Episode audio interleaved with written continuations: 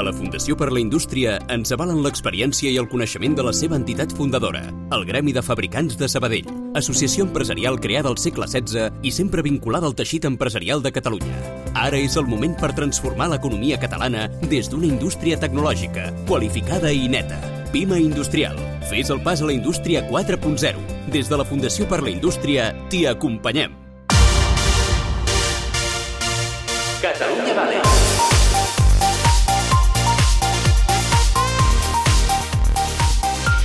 I no deixem de parlar de tecnologia al programa. Voleu saber com la IA pot actuar i pot ajudar, per exemple, a lluitar contra els desastres naturals provocats pel canvi climàtic? No us perdeu els pròxims minuts de programa. Una tornada guai.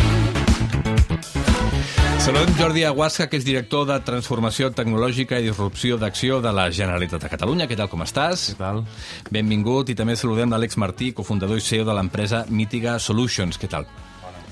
Uh, Jordi, empreses com Mitigar, explicarem què hi fan, eh? però són les que convenen a l'ecosistema d'empreses tecnològiques de Catalunya. Eh? Home, sens dubte, eh, si volem que Catalunya sigui un actor rellevant en aquest procés de transformació i de canvi tecnològic, doncs hem de tenir empreses que siguin protagonistes en aquest desenvolupament de tecnologia, no? I en aquest cas, doncs, Mitiga és un exemple clar. És pionera, segurament, en el mercat on, on opera, i està a la Champions League del, del que és la intel·ligència artificial ara mateix en, en un cas d'ús concret, no? Vinga, Àlex, explica'ns què és això que esteu fent tant i també a, a Mitiga Solutions. Primer tot, gràcies. Um, nosaltres som spin-off del Centre Nacional de Supercomputació i bàsicament el que fem és uh, fer tot tipus de prediccions per moderar el risc climàtic. Uh -huh. um, pues, el risc contra incendis forestals, inundacions, um, tempestes, etc. Fem, utilitzem models numèrics per, per bàsicament caracteritzar aquest risc per indústries asseguradores, um, el que serien um, sector uh, real estate, um, etc. Veniu del Barcelona Supercomputing Center, eh? Quan dius un spin-off, que m'agrada molt el terme, mm -hmm. uh, neix allà, de Neix fet, allà. no? Nosaltres som un grup que durant diversos anys hem fet eh, doncs, l'estat de l'art i hem, pos, hem empenyat el que seria l'estat de l'art en projectes europeus, etc. I hem anat veient que certa tecnologia era transferible. Llavors vam fer un projecte de transferència de tecnologia, vam triar quina tecnologia doncs, podia tenir un impacte en el sector industrial, la vam empaquetar i vam crear una empresa comercial um, que és l'spin-off en si. Mm -hmm. Um, teniu bona notícia perquè acabeu de tancar una ronda grandeta eh, d'inversió i dupliqueu plantilla, no?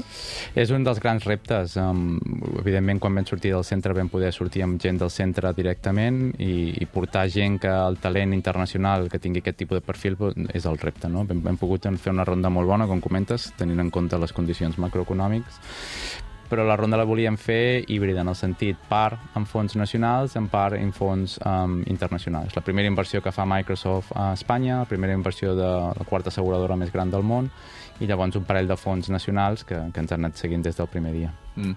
Explica'ns com feu servir la intel·ligència artificial aplicada a tot això que ens explicava just al principi. Vale.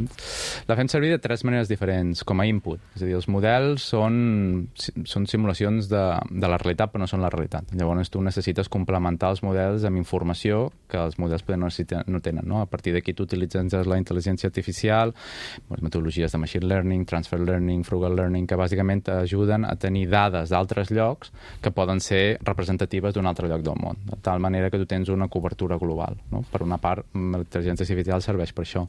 Per l'altra és per validar els models. Tu pots fer tot el tema de nowcasting, però si vols validar els models has de mirar cap al passat. La intel·ligència artificial t'a- t'ajuda a fer tot això. I la tercera part és la part més de l'usabilitat, no? de com el client, el user experience, utilitza utilitzant intel·ligència artificial. No? Mm -hmm. Són tres nivells. Perquè entenguem bé la importància d'això. Eh, Tot això no es podria fer sense intel·ligència artificial o trigaríeu 3.000 anys en generar totes les dades i, i tot plegat? Es podria fer perquè s'ha fet, el problema és el resultat. No? Si el que hem de fer és acabar resumint, jo t'he de donar un, una mesura de risc, un número entre 0 i 100, sempre et podré donar un número. La qüestió és com de bo aquest número és. No? La intel·ligència artificial el que t'ajuda és que el puguis donar amb més precisió i a nivell global. Uh, Jordi, uh, la intel·ligència artificial és, és vaja, és que, és, és que al final en parlem tant que és com bastant evident, no? però s'està convertint en una eina fonamental, ja no és opcional, no? sinó que és fonamental per les empreses per estar al dia i per ser competitives. Això li podries preguntar al xap GPT, que segur que t'ho respondria eh, molt millor que jo. Eh, evidentment, és clau i ho és perquè és una tecnologia que, doncs, que és capaç, de- que té la capacitat de transformar gairebé tots els aspectes del negoci, no? des del desenvolupament del producte fins a l'atenció al client i, per què no dir-ho, a la presa de, la, de les decisions.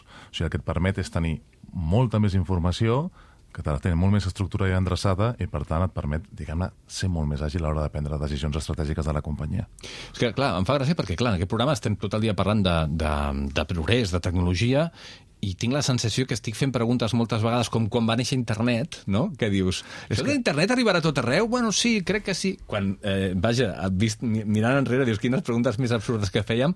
Amb la intel·ligència artificial estem una mica així. Estem a la fase 1 del de, de la fase 1 de la desenvolupament de la tecnologia. Estem, com diguem-ne, a finals dels anys 90 amb internet i en aquesta fase ja, podem, ja es parla de que amb l'actual fase de desenvolupament ja pots arribar a tenir fins i tot uns, uns estalvis d'un 15% o una productivitat, eh, diguem-ne, d'un 15% més respecte a no tenir la inte- la intel·ligència artificial. No vull ni, imaginar-te com anirà, diguem-ne, inco- incorporant la intel·ligència artificial en els negocis i amb tot. El mateix que va ser internet en aquests primers 20 anys del 2000, no, dels anys 2000, doncs la, la intel·ligència artificial passarà exactament el mateix, o sigui, passarà a ser una pedra angular claríssima de tot, tot el que és internet. Clar, al final no, no serà opcional dir, no, jo passo d'això. Seria com dir, no tinc ordinadors a la feina ara mateix, no? No, no en tens, doncs no existeixes directament, no? Bàsicament. No podràs treballar de cap de les maneres, no? Àlex, uh, és que estava pensant en les prediccions que estan fent la intel·ligència artificial a la vostra empresa. Anem fatal, no? O què?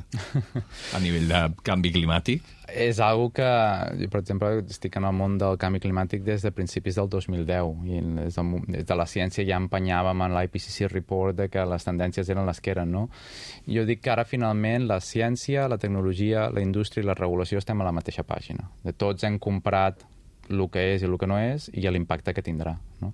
I sí, està malament. La, la qüestió és que, vull dir, si paréssim ara d'emetre i fer emissions, seguiríem tenint un impacte molt gran. La qüestió és posar-nos-hi, ara que ens ho creiem. I tota la informació que genereu vosaltres, després, clar, aquí ja com la fem servir, no? Perquè aquí entren altres empreses, eh, altres les administracions, a tots els nivells de dir, molt bé, eh, la, te, tenim aquesta predicció, però què en fem, no? Mm -hmm.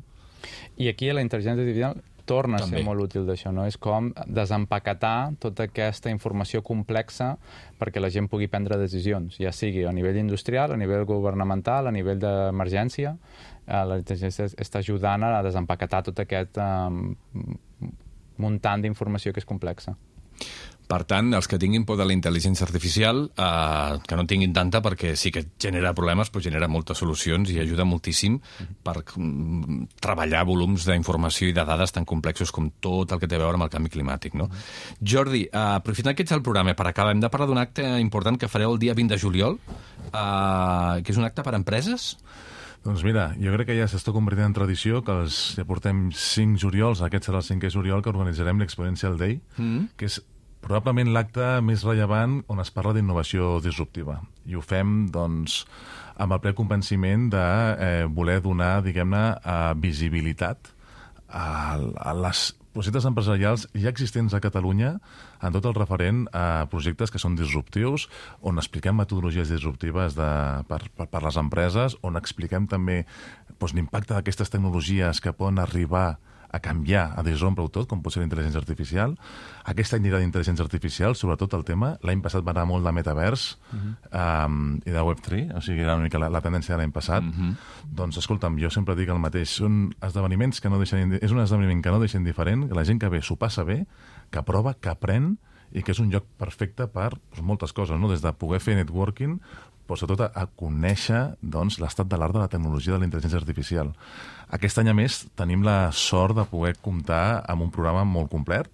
No diré molts noms, només un, Xem Alonso, el, el hacker, diguem-ne, espanyol, eh, que està ara mateix treballant doncs, amb el president de Telefònica mano a mano, perquè uh -huh. és el principal assessor, assessor en temes de ciberseguretat, ens vindrà a explicar doncs, eh, com està jugant ell amb la intel·ligència artificial, com la veu ell, eh, quina és la potencialitat, és a dir, eh, prometem diversió, coneixement, prometem també eh, donar a conèixer què està passant al món a les últimes tendències eh, amb, amb l'aplicació d'aquesta tecnologia en altres en, en, en sectors i també eh, prometem doncs, presentar-vos els projectes catalans disrupt, més disruptius que té Catalunya en aquest 2023, que ja avanço, una d'elles és Mitiga Solutions. No? Doncs uh, acabem amb això. El dia 20 de juliol serà aquest, aquest acte A a, l'Auditori AXA, a l'Auditori AXA. aquí a Barcelona. Molt bé. Eh, Jordi i Àlex, moltíssimes gràcies. Gràcies per la feina que feu a, a Mitiga i gràcies per venir a Revolució. Plaer. Un plaer, gràcies a vosaltres.